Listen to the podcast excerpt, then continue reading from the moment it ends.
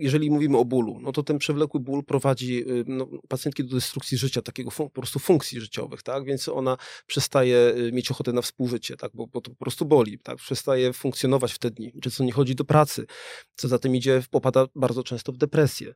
Y, nieraz pacjentki odwiedzają psychiatrę z uwagi na ten ból, no bo jeżeli lekarz nie wykryje tej choroby, no, mówi się powszechnie, że miesiączka ma prawo boleć, taka jest, uroda. To jest, taka jest pani uroda, no to ta pacjentka w końcu trafia do psychiatry. Te leki często nie pomagają, no bo y, przyczyna jest organiczna, ten, ten ból nie jest wymyślony, tylko on faktycznie istnieje, więc leki na wymyślony ból, w cudzysłowie mówiąc, oczywiście nie pomagają, więc, y, więc ta pacjentka trafia do leczenia takiego intensywnego, nawet psychiatrycznego.